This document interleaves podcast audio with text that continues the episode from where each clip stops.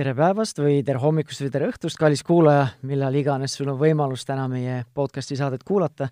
mina olen saatejuht Tanel Jeppinen ja see on Pere ja Kodu podcast või siis veebiraadio saade. ja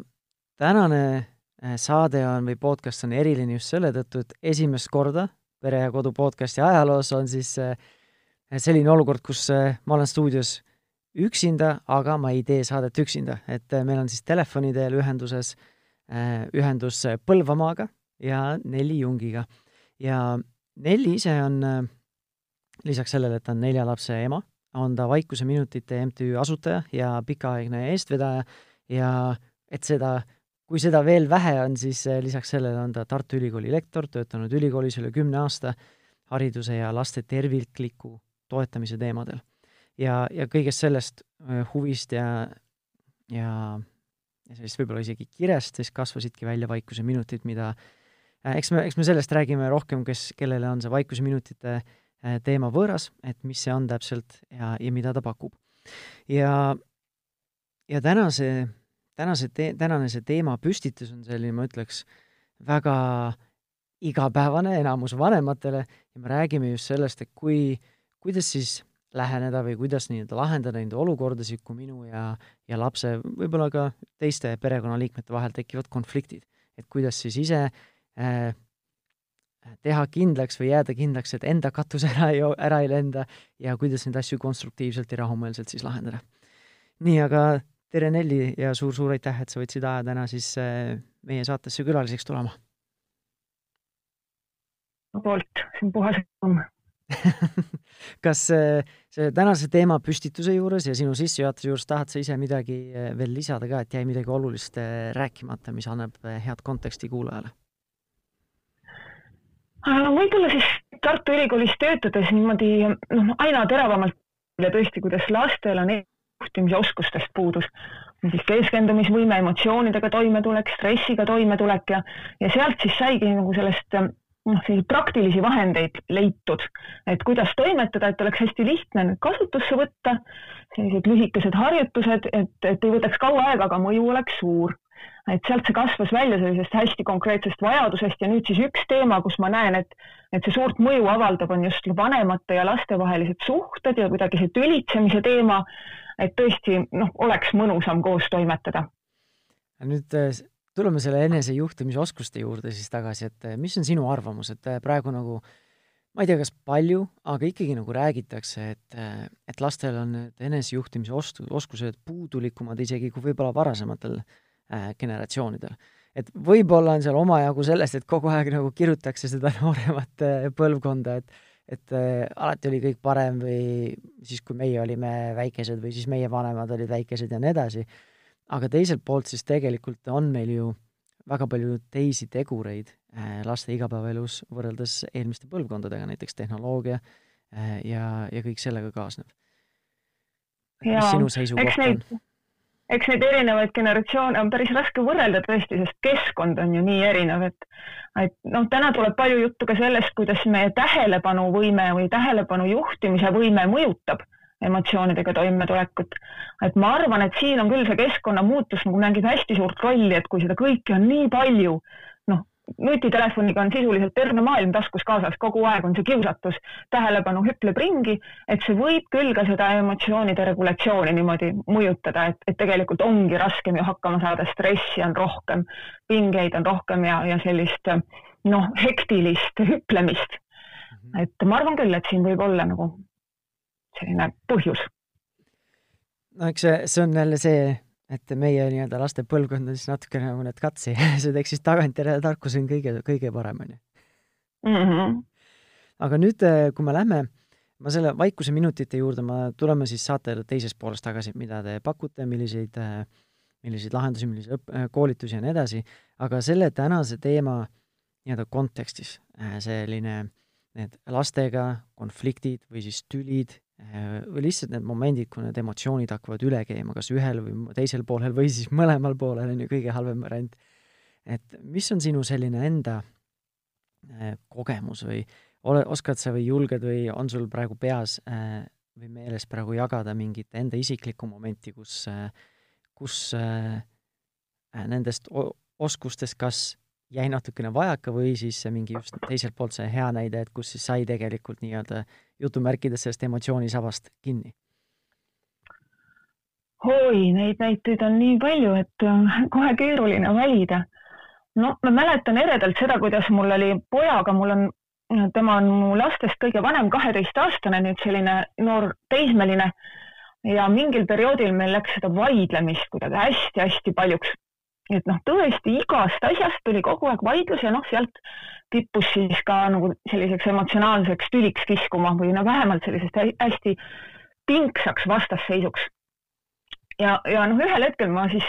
kuidagi avastasin enda jaoks selle, et et, et ma nägin, et noh, tõesti silmad pilluvad sädemeid, et ta nagu noh, näebki mind vaenlasena sel hetkel kes on tugevam, kes jääb peale, kes nagu saab nüüd siin nagu kuidagi ähvardada või nagu paremini nagu jõupositsiooni saavutada, selline võitlusolukord. ja siis äh, ühel hetkel ma taipasin sellist nagu lihtsat võimalust, et lihtsalt öelda, et ma olen su sõber see kõlab nii triviaalselt, aga, aga tõesti, kui ma talle seda hakkasin ütlema selles olukorras, et ma olen su sõber, ma otsin, otsin seda head lahendust, mis sobiks sulle, mis sobiks mulle. et, et noh, et meil oleks koos parem olla, et ma tõesti nagu ei, ei, ei taha sinuga vaielda. siis no, üllataval kombel noh, selline kerge lõdvestumine toimub, vahel peab seda mitu korda ütlema kui emotsioon on väga kõrgel ja, ja noh, ka lihtsalt nagu nentida sinna juurde, et, et ma ei soovi sinuga vaielda see ei anna meile midagi, kui me lihtsalt vaidleme ja oma õigust tõestame. et minu jaoks oli see selline suur ahhaa, ma hakkasin seda järjepidevalt kasutama ja, ja noh, väga kaua ei läinudki, kui meil nagu sellist vaidlemist enam ei olnud. et praegu ma, ma tunnen, et see suhe on palju-palju parem pärast seda avastust. ja no see on selline juba hea taktikaline nõuande, nõuanne, aga kui ma nüüd kuulan sind, siis äh, ma ei teagi nagu, või eks sina saad vastata, et kui ma iseennast panen sinna olukorda,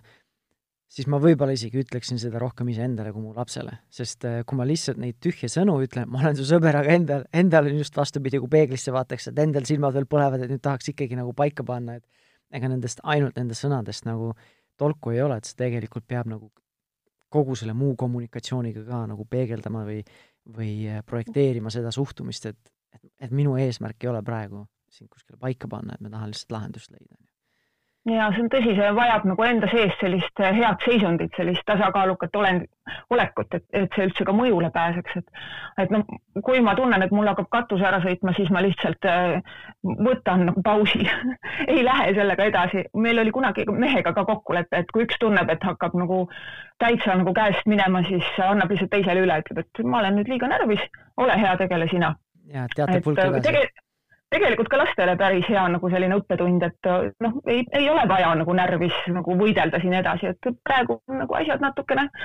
läinud nagu võib-olla üle, üle piiri või üle pea ja, ja siis äh, ma saan nagu toetuda teisele inimesele mm. -hmm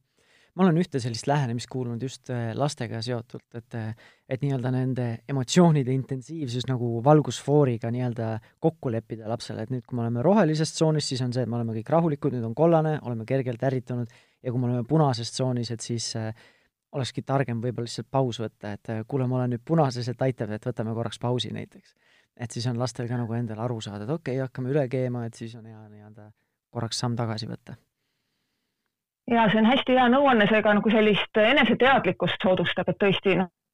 emotsioonide juhtimise aluseks, et hakata märkama ja siis äh, noh, vaadates enda sisse, et kui suur see emotsioon nüüd on, juba tekibki see teadlikkus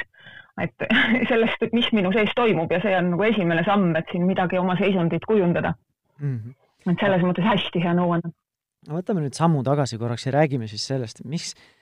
et mina nimetan neid asju saged-, sagedasti need minu jaoks lihtsalt äh, näevad välja kui pigem see nagu võimuvõitlus, et nagu sa ise rääkisid ka, et nagu, et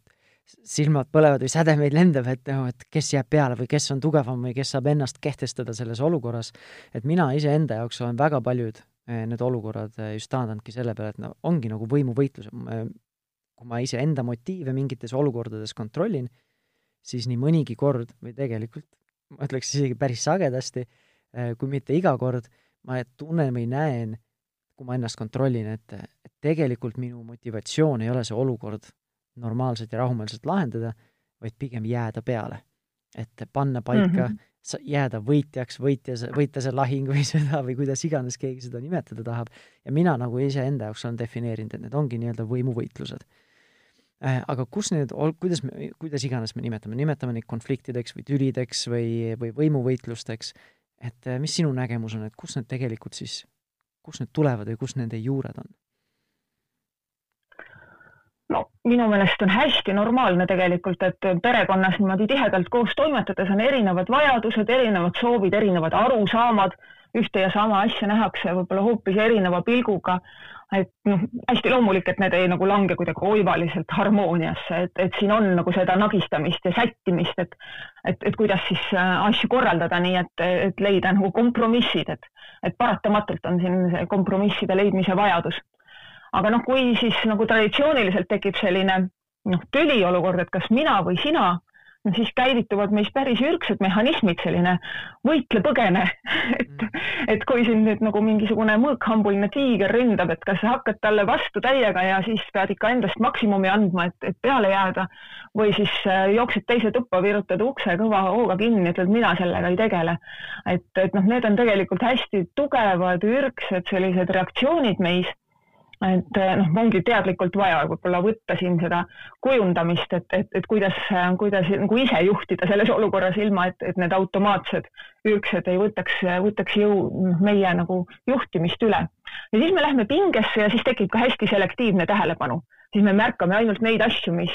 mis on noh, mida teine teeb valesti, mis meid ärritavad, kuidas minul on õigus, mis kõik võiks olla nagu need argumendid minu kasuks, et, et väga paljud nagu muud me ei märka näiteks seda, mis, mis võiks olla meie ühisosa äh, või seda, mida teine teeb hästi või mida ta proovib või mis on tema vajadus, mis on päriselt tema vajadus. et kui me tähelepanu on hästi pinges ja me oleme fokusseeritud sellele võitlusele, siis jäävad tegelikult noh, head lahendused minu meelest enamasti sündimata. et väga-väga sageli lastega ma leian seda, et, et mitte minul ei ole õigus ega temal ei ole õigus, vaid tekib hoopis kolmas lahendus. aga see nõuab loovust et kui me oleme hästi pinges ja võitlemas, siis, siis see ei saa nagu tekkida, siis on lihtsalt see, et igaüks raiub oma asja. aga noh, võttes nagu selline noh, ütleme tähelepanu viia pigem sellele, et mis on meie ühisosa, mida me mõlemad soovime. no võib-olla näiteks me autos on võitlus kohtade pärast, et kes istub kuhu, see on meie peres hästi traditsiooniline, suur pere on ju, kes saab istuda ees, issi kõrval ja, ja kes saab, ma ei tea, kõige taga rahus olla ja noh, nagu seal on alati nagu selline suur võitlusolukord siis noh, ühine eesmärk võiks olla, et, et me kõik tahame tegelikult, et meil oleks mõnus sõit, nagu on pikk autosõit ees, et meil kõigil oleks tore, see on ju tegelikult eesmärk. kõigi, noh, kui kellelgi on halb, siis on juba kõigil seal halb, sest et ta hakkab ju vinguma väga kõlavalt. ja noh, ja siis saab lihtsalt leida erinevaid lahendusi, kuidas siis ka sellel inimesel, kes istub näiteks võib-olla mitte oma lemmikkohal, saaks olla ka tore sõit ja hoopis teine lahendus, mitte see, et kumb saab nüüd oma nagu selle, kus ta istub nagu selle, selle täpselt Mm. selliselt jälkuselt võib-olla nagu natukene nagu avarama vaate poole oleks, oleks jube hea, kui õnnestuks nagu oma tähelepanu väljaga liikuda. no kui sa räägid seda, siis ma, ma arvan, et enamus äh, kuulajad nagu nõustuvad sellega, et kui sa oled sellises stressiseisundis, ongi see ürgne, see võitle-põgene äh, tardureaktsioon, et sa oled, su kõik nii-öelda see ressursid on mobiliseeritud sellele nii-öelda stressiallikale, ehk siis kui ma olen laps, siis sellele võib-olla lapse vanema suunas või tema kehtestatud piiri suunas, või noh, ta enamasti ikkagi mitte piiri, vaid ikkagi vanema suunas on see, kogu see energia suunatud, on ju. ja lapsevanemal, kui ta laseb ennast nii-öelda üles kruttida ja nii-öelda käima tõmmata, et siis tema on just selle lapse suunas. et, et kui sa oled selles stressireaktsioonis, siis tõesti on väga raske leida loovaid lahendusi või väga raske on näha suurt pilti, sest sul ongi nagu silmaklapid peas ainult selles stressiallika suunas, on ju ja ma mäletan, kui ma olin keskkoolis, siis lihtsalt teine näide samas, et illustreerida seda, et, et raske on võib-olla leida neid lahendusi või näha nii-öelda nendest oma vaateväljast välja, kui sa oled stressis, et mul üks väga hea keskkooli õpetaja ütles ka, et, et oluline on eksamil ollagi lihtsalt nii-öelda, proovid olla nagu pingevaba. ja seda ma vastu, et miks see oluline on, seda vastupidist ma kogesin ka, et oled, tuled eksamil astud eksamiruumist välja, pingelangus, siis mõtled, aa, kuidas ma küll seda ei teadnud, miks ma seda ei vastanud ja nii edasi, et et kuidas ma seda läbi ei näinud, et siis, kui pinge langeb, siis korraga näed nii-öelda seda perspektiivi, korraga näed teisi lahendusi, korraga näed võimalusi, kuidas tegelikult oleks saanud selle ära lahendada. aga selles pingeolukorras on seda raske teha ja see ei, ei pea nagu iseennast ju süüdistama selles, see on lihtsalt see, kuidas me inimesena töötame, ellujäämise mehhanism mingil määral, on ju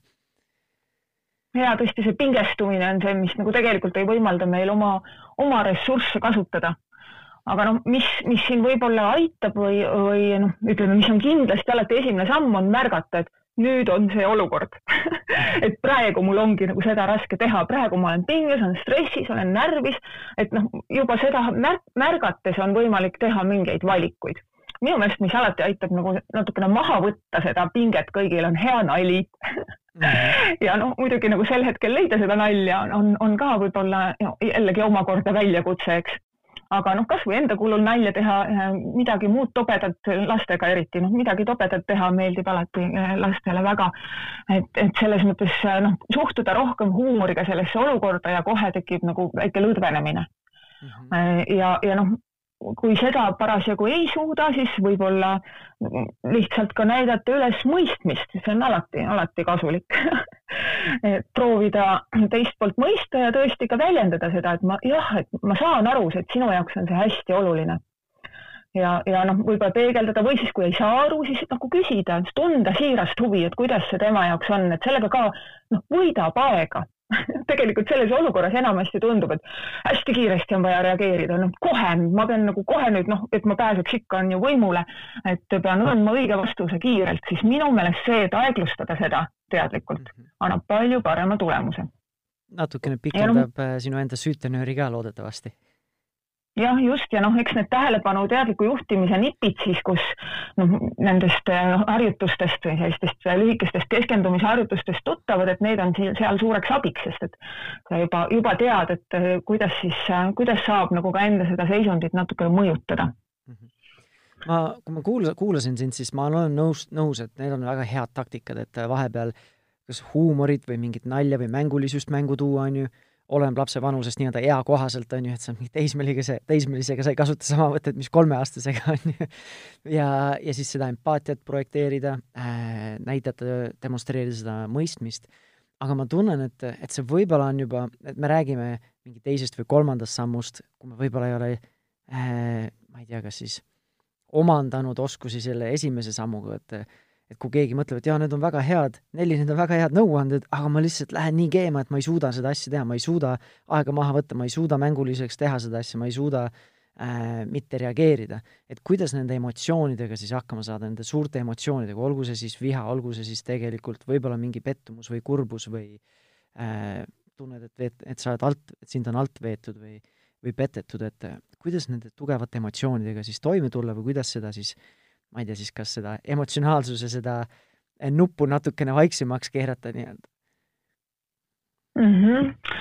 ja noh, tõesti, kui see tugev emotsioon kerkib, siis äh, ta ju võtab juhtimise üle, et ise ka pärast imestame, et kuidas ma nüüd nii tegin või ütlesin ja, ja noh, lastel on samamoodi, et päris rumalaks võib muutuda, kui, kui, kui nüüd tuleb see selline hästi tugev nagu emotsioonilaine, et iseenesest nagu allasurumine või see, et seda ei tohi olla, seda emotsiooni, see muudab, noh, tekitab sellise alla, noh, sellise surve, et, et ta paiskub võib-olla veel suurema hooga sealt üles, et et seda ma ei soovitaks, et pigem ikkagi juhtida oma tähelepanu mujale, nii et see emotsioon saaks natukene siis, natukene rahuneda või natukene nagu leevenduda et üks ähm, noh, konkreetselt sellised võib-olla paar siis nippi, mida, mida lapsevanemad osad kasutavad, et, et üks on selline, mis ma olen kuulnud, et on isade lemmik, et kuhu see tähelepanu siis viia, me ju kõik saame oma, oma tähelepanu juhtida ja see on lihtne, me lihtsalt peame soovima, et see tähelepanu läheks teise kohta ja juba ta lähebki. et isade lemmik on, et, et viia tähelepanu jalataldadele. lihtsalt tunda, kuidas jalad toetavad vastu maad natukene võib ka liigutada varbaid või midagi seal teha, viia tasakaalu ühelt jalalt teisele. et ma olen kuulnud isegi meil, mul ühe, ühe kolleegi äh, abikaasa, et täiesti nagu sellistes suurtes töökonfliktides või noh, tal on selline keeruline töökoht, et, et ta viib oma tähelepanu jalataldadele korraks ja juba see tasakaalustab, sest ta toob tähelepanu kõigelt sellelt ära, mis on see potentsiaalselt ärritav, see, mis pingestab, et annab natuke ruumi ja terviklikkust no klassikaline on, eks ole, hingamisele viia tähelepanu. aga ma ei tea, ma võib-olla seda isegi niivõrd ei soovitaks, äh, sest äh, see on noh, nii kuidagi trafaretne, see on selline, et hinga kolm korda sügavalt sisse ja välja, aga samal ajal me võib-olla tähelepanuga oleme hoopis nende mõtete juures, et kui mul nüüd hingatud saab küll, ma siis alles talle näitan, eks ole. et loeb ikkagi see, kus tähelepanu on ja, ja noh, hingamine on ka siin väga nagu siin, siin ähm, noh, rinnakus kus on ju ka emotsioonid möllamas, et et, et võib-olla pigem tõesti jalad, jalad-allad, noh, keha, et natukene tuua ennast sellest emotsioonide mõtete virvarrist välja. Mis selle tagamõte nagu on, et need, see tähelepanu sinna jalgadele viia, et esiteks see kindlasti peab olema nagu sisse harjutatud selline nagu harjumus, sest vastasel juhul nagu sul ei ole seda meeles teha, siis tulebki nagu selle eksamiga, et sul tuleb pärast olukorda meelde, aga miks ma seda ei teinud, on ju. et sa pead nagu harjutama ja miks mitte ka siis kas või kuiva trenni tegema alguses, et mõelda, et nüüd, kui selline olukord tuleb, siis ma enne, kui ma üle käin, siis ma keskendun oma jalad-haldadele ja ma ei tea, selle kontaktile, mida ma tunnen eh, maa ja enda vahel ja nii edasi, aga miks see oluline on just jalad-haldadele, miks mitte, ma ei tea sõrmeotstele, ma ei tea. see on lihtsalt hästi hea selline konkreetne füüsiline asi ja ta on noh, võrdlemisi äh, kaugel, ta on nagu eemal, annab seda keha terviklikkust, et kui meil on peas palju mõtteid, meil on siin nagu noh, kehas on, rinnakus on nagu selline nagu hästi aktiivne emotsioon, et siis jalad-allad on sellest eemal ja samas annab nagu seda füüsilist nagu kehaga kontakti võtmine alati on nagu selline rahustav ja tasakaalustav element, et võib-olla sellepärast on see jalad-haldade asi, mis, mis annab nagu paljude jaoks head tulemust. aga muidugi tõesti, see on nii, et, et noh, seda tuleb enne harjutada, et see on pigem nagu selline oskus, mida, mida kasvatada mõne aja jooksul et, et ei ole nii, et, et ainult nendes tüliolukordades nüüd hakkangi järsku kasutama, et, et neid harjutusi, neid lühikesi tähelepanu ja meelerahu harjutusi on ju palju ja need on mitmekesised. et kui neid nüüd proovida ja läbi teha, siis igaüks leiab sealt tegelikult enda jaoks selle võtte, mis talle sobib kõige rohkem, mis ka selles võib-olla keerulises olukorras, millele ta saab toetuda, et, et siin ei saa nagu sellist ühest retsepti võib-olla anda mm. -hmm. Ja selle juurde tagasi tulles, et seda, ma olen ise teadvaloleku baaskursusel käinud kaheksanädalasel ja, ja see on nagu tõsi, et ongi, kui sa, varem ma nagu ei osanud või ei mõelnud sellele, et eh, proovida nagu leida seda emotsioonide kohta, aga ongi, et kui kui need tugevad suured emotsioonid on sinna kuskil siin torsos või rindkeres tavaliselt on, et see on hea harjutus võib-olla kuulajale ka, et kui sa tunned mingeid väga intensiivseid emotsioone, proovi siis nagu, proovi nagu tunnetada, kus nad pesitsevad või kus nad keeravad siis, et see annab ka mingil määral juba aimu ja et et, et mul tegelikult on võimekus neid võib-olla reguleerida natukene juba, kui ma oskan neid lokaliseerida ja nii edasi ja märgata, teadvustada, et see on selline esimene võti, et, et tegelikult juba sellega kasvab ka enesejuhtimise võimekus selles olukorras, sest kui ma märkan, mis must toimub ja mis mind juhtida tahab, siis ma saan juba valida. enamasti see juhtub minuga nii, et ma ei pane tähelegi, et, et lihtsalt nagu, lihtsalt midagi ma seal ütlen kurja häälega ja, ja siis pärast alles avastan, et ahaa, et, et noh, ma tegelikult nii üldse poleks tahtnud öeldagi, aga, aga viha võttis võimust et, et noh, nii on, et, et ma tõesti ütleks, et neid oskusi või sellist enesejuhtimise oskust, seda ei saa hakata ainult üliolukordades kasutama või kasvatama. et kui ma siin nagu kiirlahendusi pean andma ma saan aru, et paljud neid ilmselt ootavad, et siis see on ikkagi eelkõige edasilükkamine ja noh, pikemas perspektiivis siis hakata nagu kasvatama lihtsalt seda võimekust lastel endal koos treenima, see võtab ju paar-kolm minutit päevas, see ei ole midagi noh, sellist, et oi, kust ma nüüd selle aja küll võtan. aga edasilükkamine on, on see, mis võimaldab noh, nagu kohe nagu enamasti me märkame, et nüüd läheb asi käest ära, täitsa nagu kehv olukord on, kuidas jälle nii kõik need mõtted tulevad ja jälle on täitsa nagu untsus see värk, et kõik me siin karjume, siis äh, mul tekkis üks selline suvel üks selline hea edasilükkamise viis, mis meile kõigile palju rõõmu pakkus, oli tantsimine. ma ütlesin lastele, et, et kuulge, et, et kuidagi väga närviliseks läheb praegu, me ei leia siin praegu head lahendust, teeme ühe tantsupeo vahepeal. Ja täiesti jabur, et, et me tegime seda iga päev mitu korda võib-olla nii äge oli, et noh, igaüks sai seal soovilugusid valida, selline ühine lähendav tegevus, möllasid oma energia välja, väga lihtne on lolli nalja muide teha tantsides. Ja, ja noh, pärast seda nagu lahendused tulevad nagu iseenesest, et polegi enam midagi vaja, et, et kui õnnestub nagu tulla välja sellest pingelisest vastasseisust, viia tähelepanu mujale, endal ja lastel mõlemal ja noh, midagi nagu lõbusat teha, siis, siis noh, juba on, on, on nagu palju parem, et selles mõttes see edasilükkamine on, on võib-olla nagu üks kiirlahendus, mida ma julgen kindlasti soovitada. No see tantsimine, mis sa arvad, kui palju see tegelikult on edasilükkamine versus sellesama pulbitseva energia nii-öelda nagu võib-olla nagu väljaelamine teiste väljunditega, et et see, ma ei teagi, kas sa pärast nagu lükkad seda edasi, et sa pärast enam, sul ei ole vajadust nagu enam ennast muul viisil nagu ma ei tea, siis kehtestada või teisest üle sõita, vaid sa oledki nagu selle juba välja elanud, selle energia füüsilise liigutusega või liigutamisega ja see on sellest emotsioonist vabanemine, et seda küll, et ja noh, ka sellest pingsusest ja vastasseisust vabanemine, et selles mõttes ta pakub juba lahenduse, aga noh, see probleem või see nagu see, mis oli, et, et on erinevad vajadused, see jääb ju alles mm. -hmm. lihtsalt selle osas nagu siis leitakse noh, kiiresti, tavaliselt tõesti on nagu pärast pole probleemigi, et, et juba lapsed ise teavad, kuidas saaks või tekib endal mõni hea mõte või, või noh, võib ka lihtsalt siis küsida, et kuidas me nüüd võiksime teha, et, et, et noh, kui juba saab nagu välja sellest pingestavast, raskest, emotsionaalsest olekust, siis, siis on kõik juba lihtne. Et, et tõesti, tõesti emotsioonid on nagu emotsionaalses olukorras on, on väga-väga keeruline häid lahendusi leida. Ja siis ma sain ise valesti aru, et me ei lükka siis seda emotsiooni väljaelamist edasi, me lükkame lihtsalt seda konflikti või probleemi lahendamist edasi äh, sellele hetkeni, kui me oleme lihtsalt natukene rohkem loogilisemad või konstruktiivsemad mm. -hmm, ja just ja noh, tegelikult ma arvan, et see on ka lastele päris oluline õppetund, et, et äh, kui seda ka välja öelda, et kui me oleme praegu närvis või me oleme emotsioon, emotsionaalsed, et me ei leia häid lahendusi. see on ainult selline vaidlus, et kellel on õigus, aga meie eesmärk on leida ju lahendusi et kogu aeg nagu see nagu tuua kuidagi fookusesse, et me tahame nagu ühiselt head lahendust, siis on kõigi tähelepanu millelgi ühisel, millelgi positiivsel. ja, ja noh, ja kui see ei ole, et me seda kohe hetkel leiame, siis noh, mis seal ikka, on ju, siis otsime seda hiljem et sageli ka magama mineku ajal on meie peres ja ma arvan, ka muidu on nagu palju selliseid noh, igasugused äh, kõik teemad kerkivad siis üles ja kõike tahaks need lapsed arutada. et, et enamasti ma ikkagi ütlen, et, et räägime sellest homme, räägime sellest meie õhtusöögi ajal, teeme siis head kokkulepped. et praegu nagu me oleme kõik väsinud, me oleme kõik juba siin närvis, et praegu on lihtsalt puhata vaja mm. -hmm. ma tahaks korra selle hingamise juurde tagasi tulla, et, et miks sa arvad, et see, et see ei ole selline hea taktika, mida sa praegu tahaksid soovitada, et kas siis on selles hingamises endas selline mingid puudujäägid või lihtsalt see, et kuidas me oleme harjunud seda tegema, et kui ma lihtsalt ütlen, et et kuule, sa peaksid rohkem hingama või, või sügavamalt hingama või kolm korda hingama, enne kui sa edasi tegutsed, et et siis kas, kas on selles asi, et me lihtsalt ei oska seda nii-öelda jutumärkides siis õigesti hingata, mis tõesti rahustab ja normaliseerib meid või on selles äh, hingamises endas mingid puudujäägid, et seda peab rohkem harjutama või see võtab rohkem aega, et reguleerida oma emotsioone või mingid muud põhjused? Ja mul on nii hea meel, et sa selle uuesti jutuks tõid, sest tõesti, mul jäi isegi kripeldama, et ma niimoodi ütlesin, hingamine on suurepärane vahend. ma lihtsalt olen nagu nii palju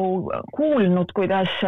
kuidas noh, inimesed heidavad selle hästi kergekäeliselt kõrvale, nad ütlevad, ah jah, ma tean küll, kolm korda sisse ja välja või kümme korda, mida iganes sügavamalt hingama, et mul see ei tööta, mul see ei aita ja, ja noh, ma näen, et nad tegelikult ähm, oma tähelepanuga ei ole jälgimas seda hingamist vaid nad hingavad nagu moe pärast ja, ja noh, et saaks tehtud need kolm või kümme korda ja siis jätkavad sealt, kus enne oli nagu asi pooleli. et kui, kui tõesti nagu olla oma tähelepanuga jälgimas seda, mis on need aistingud kehas, noh, kuidas õhk seal ninas näiteks liigub või, või kuidas kõht liigub või, või kuidas sisse tuleb jahe õhk ja välja läheb soe õhk, kui selliste asjade juures olla kogu oma tähelepanuga, siis see on, see on lihtsalt imeline vahend. mul endal Äh, oli vist see tütar siis seitsmeaastane või kuueaastane isegi, kus, äh, kus juhtus täitsa nagu huvitavalt nii, et ta võttis nagu ise kasutusse need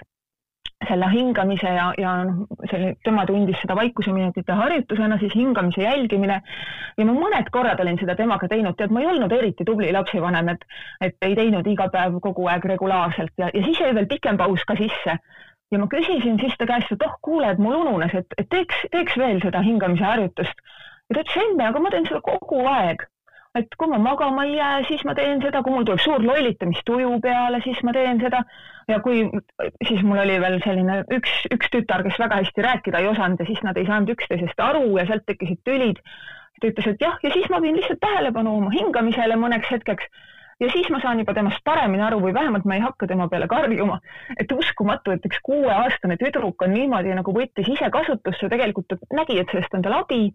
ja ta kasutas seda noh, täiesti nagu loovalt oma elus, et, et suurepärane vahend on hingamisele tähelepanu viia, ma natuke eksitavalt enne sõnastasin selle. et siis oluline on see, kuidas seda teha? jaa, oluline on olla selle tähelepanuga tõesti siis hingamise juures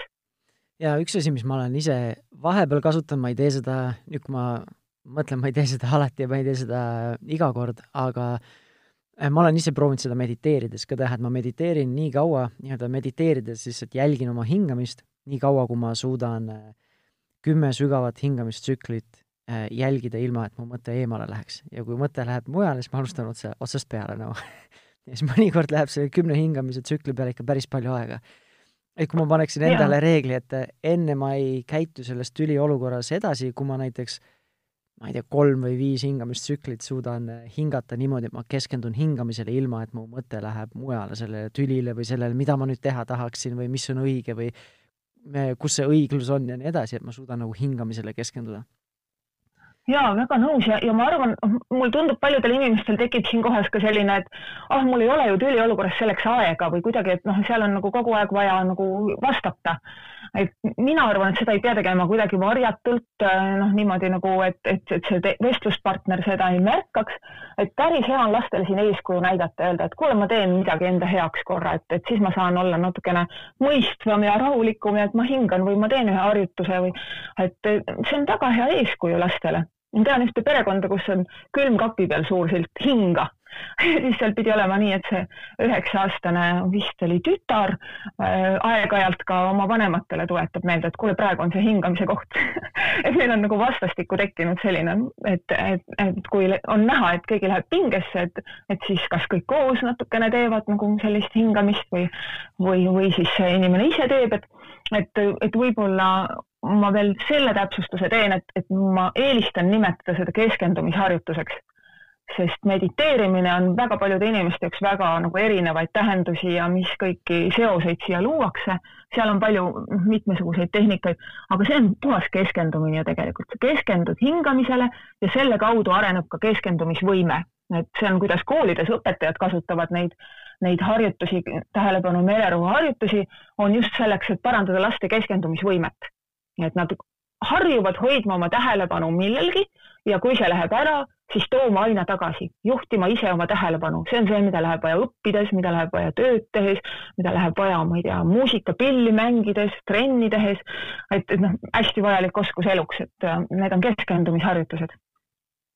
ja kui see meeldetuletus, nagu sa ütlesid, äh, tuttavatel on sul külmkapi peal, et siis on väga tark see panna kuskile sellisesse tuppa, kus on, kus te sagedasti arutate pereasju või kus äh, kus on suurem tõenäosus, et mingid konfliktsed olukorrad tekivad, et kui sa paned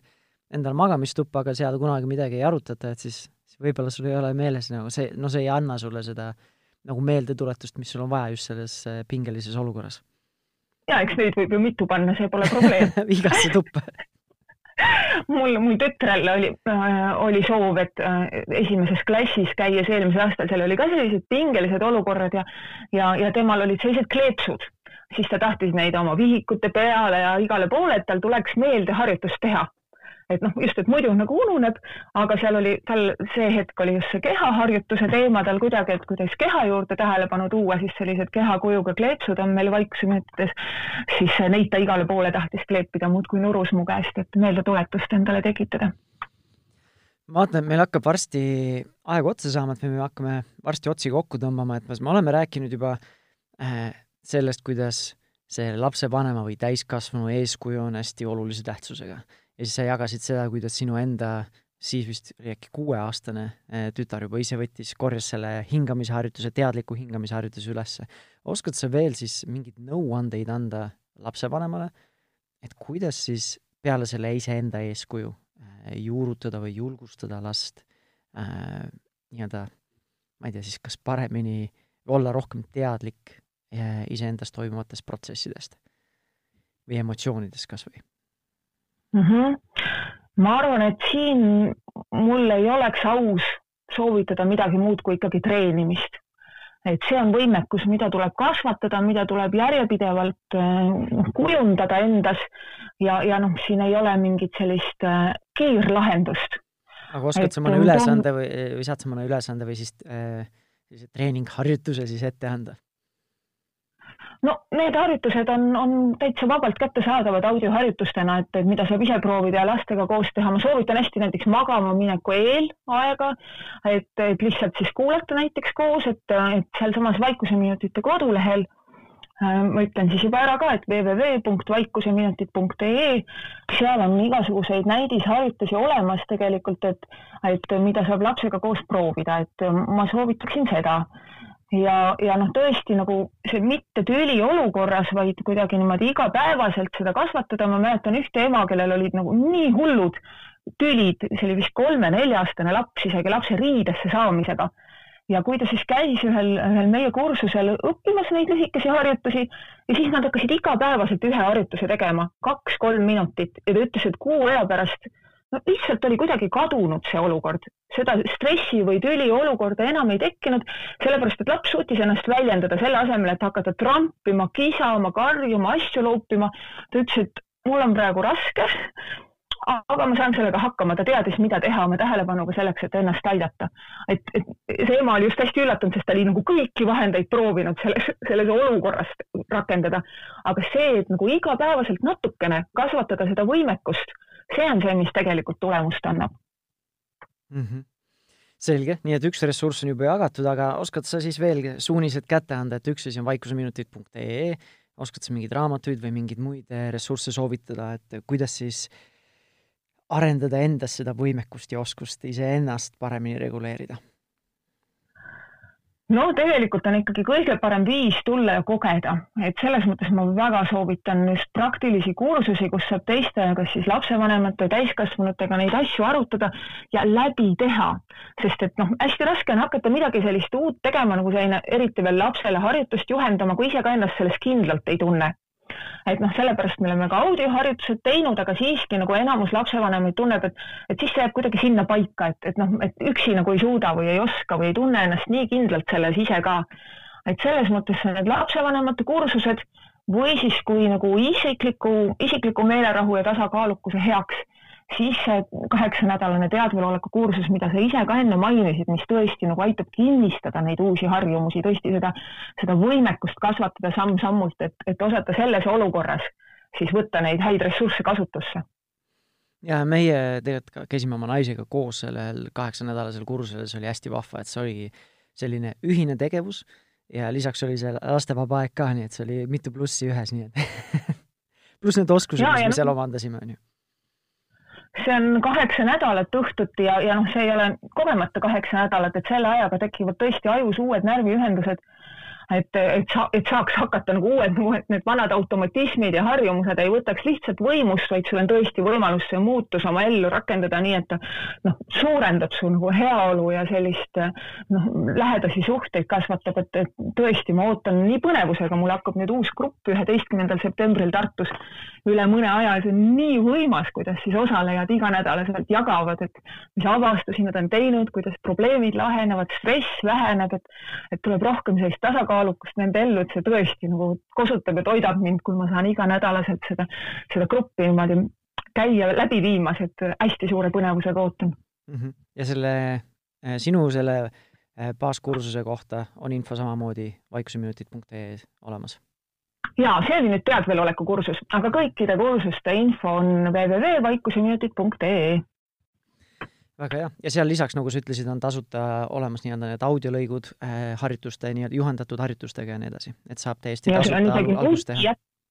seal on isegi nutiäpp, mille saab panna endale telefoni ja siis suvalisel hetkel bussis või järjekorras seistes äh, võtta endale kaks minutit või aega, et, et väga sellised praktilised vahendid oleme proovinud luua, et kõigil oleks lihtne. -hmm. aga hakkame siis joont alla tõmbama, et ma tahan sind, äh, Nelli, tänada, et suur-suur aitäh, et sa võtsid aega siia tulla oma Põlvamaa idüllilisest kodust siis ja jagada, jagada meiega neid mõtteid, et ma ise tunnen, et see oli selline hea ülevaatlik saade, aga samas äh, sai ka selliseid paar sellist äh, väga mõnusat praktilist äh, näpunäidet, et kuidas nende asjadega algust teha ja lisaks siis veel ressursid ka, et kust rohkem uurida. on midagi, mis sa tahad veel lõppu öelda või selliseks väikeseks kirsiks tomati peale või sai kõik oluline öeldud?